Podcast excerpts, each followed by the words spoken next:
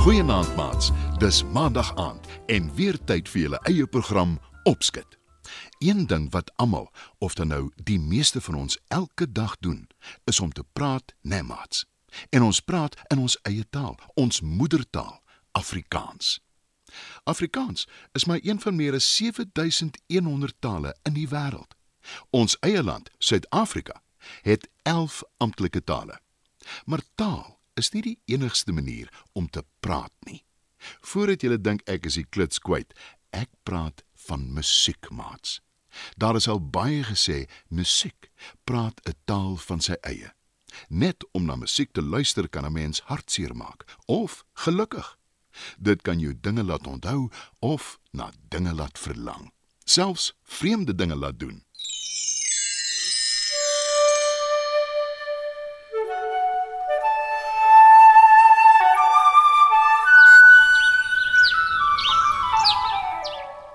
Mats, kan jy glo daar is sowaar oor die 1500 musiekinstrumente in die wêreld? Vanaand wil ek julle 'n storie vertel oor een van die oudste musiekinstrumente wat daar is, die fluit. Skuif gerus nader en luister saam na ons storie, Die fluitspeler van Hamelin.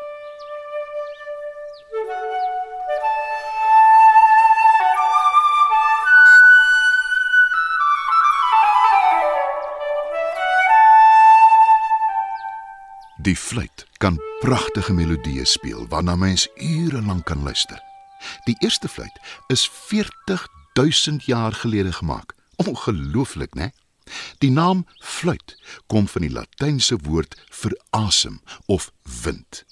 Dit is 'n blaasinstrument wat beteken dat die geluid wanneer dit gespeel word met die lug uit die fluit getrek word.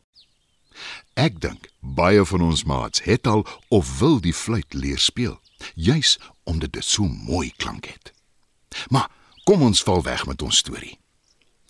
Eenmal, lank, lank gelede, in 'n dorpie met die naam Hamelin, het die inwoners 'n eislike probleem gehad. Hulle hele dorpie is oorval deur rotte. Dit klink aaklig, né, nee, maats? Rotte oral in mense se klerekaste, hulle laaie, onder hulle beddens, bo op hulle beddens, op hulle tafels, net waar jy kyk is daar rotte.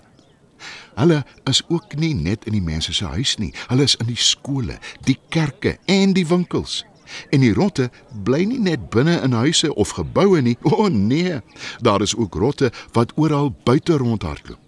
Die mense van die dorpie raak al hoe meer moedeloos, want hulle kan net nie van die nare knaagdiere ontslaa raak nie. Verbeel jou, oral waar jy kyk op straat is daar rotte wat rondhardloop. En dan gaan jy in jou huis in en hulle is daar ook. Hulle kou jou klere stikkend, vreet al jou kos op, hardloop op jou bed rond. Die arme inwoners van Hamelin is nooit seker wanneer hulle 'n rot op hulle bord kos kry nie of op hulle kopkussing as hulle wil gaan slaap nie. Al my klere is vol gate gevreet. Die kinders se speelgoed is opgekou en die rotte vreet omtrent al ons kos in die huis op. Hoe gaan ons ooit van hulle ontslaa raak? sê een van die inwoners moedeloos vir haar man. Hy skud sy kop en antwoord: Die meeste mense het nou al katte aangeskaf. Maar dit help ook nie eers hierdie rotte steur hulle nie aan die katte nie. Die katte probeer hulle bes om van die rotte ontslae te raak. Maar die rotte is heeltemal te slim en hulle uitoorlê die katte. Die katte word naderhand moeg. En saam-saam besluit hulle om die dorp te verlaat en op 'n plek te gaan bly waar hulle nie heeldag en aldag met rotte te doen kry nie. Daarna probeer die inwoners steeds allerlei maniere om van die rotte ontslae te raak, maar sonder enige sukses. Op 'n dag belê die burgemeester van Hamelin 'n vergadering in die stadsaal. "Genoeg is genoeg," buldery en hy voeg by: Een van die rotte het sowaar gisteraand my toebroodjie uit my hand uitgegryp en dit voor my oë verorber en ek kon die gedierte nie keer nie, die vermetelheid. Dis iets verskrikliks. En dit kan nie so aangaan nie. Dis of ons of hulle. Ek sien al hoe moet ons ons geliefde dorp verlaat en alles vir hulle los. Stemme vrou saam. Daar moet iets aangedoen word, iets drasties en baie gou ook. sê die burgemeester. Sy woorde is skaars koud toe daar 'n vreemde man by die vergadering inloop. Almal vergaap aan hom. Hy is lank en hy dra 'n veelkleurige pak klere en 'n hoed. Sy oë is helderblou en deurdringend. Toe die burgemeester vra wie hy is, antwoord hy: Ek is 'n fluitspeler. Ek sal van die rotte op julle dorp ontslaa raak as julle my betaal. Die inwoners beraadslag onder mekaar. En toe kondig die burgemeester aan. Dis reg so. Ek kry die rotte weg uit ons dorp en ons vergoed jou daarvoor.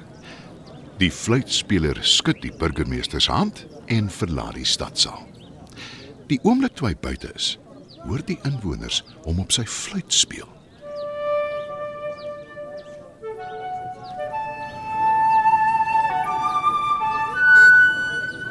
Hulle gaan buitentoe en sien hoe die rotte hom begin volg. Die fluitspeler loop af met die hoofstraat en elke enkele rot op die dorp loop agter hom aan. Hy loop tot by die hawe met al die rotte om hom. Die inwoners is skoon lam van opgewondenheid. Hulle kan nie glo wat hulle sien nie. By die hawe klim die fluitspeler op 'n boot wat vir hom wag. Maar net toe die rotte hom wil volg en op die boot klim, vertrek dit en al die rotte, elke enkele een probeer hom steeds volg, maar hulle beland almal in die see en hulle verdrink. Die boot draai om en vaar terug in die hawe. Die fluitspeler stap terug na die dorp se stadsaal toe om sy betaling te ontvang. Maar toe hy daar aankom, verduidelik die burgemeester dat die dorp se koffers leeg is en dat hulle hom ongelukkig nie kan betaal nie. Dis nie wat ons ooreengekom het nie. Ek het my belofte gehou. Ek verwag dieselfde van julle. sê die fluitspeler. Maar die inwoners hou voet by stuk. Hulle het niks geld om vir hom te gee nie. Die fluitspeler vererg hom bloediglik en sê: Julle gaan dit berou. Toe stap hy uit by die stadsaal en begin weer op sy fluit speel. Die slag begin al die kinders van Hamelin hom te volg. Die inwoners raak bekommerd en probeer die kinders keer, maar sonder enige sukses. Die fluitspeler verlaat die dorp en die inwoners kyk magteloos toe hoe hulle kinders hom volg. Hulle is naderhand so ver weg dat hulle nie meer gesien kan word nie. En niemand op die dorp vind ooit uit wat van hulle geword het nie. Die inwoners van Hamelin het nooit weer hulle kinders gesien nie. Maats, dit was dalk verkeerd van die fluitspeler. Maar aan die ander kant, as 'n mens 'n belofte gemaak het, moet jy daarby hou. Nie waar nie?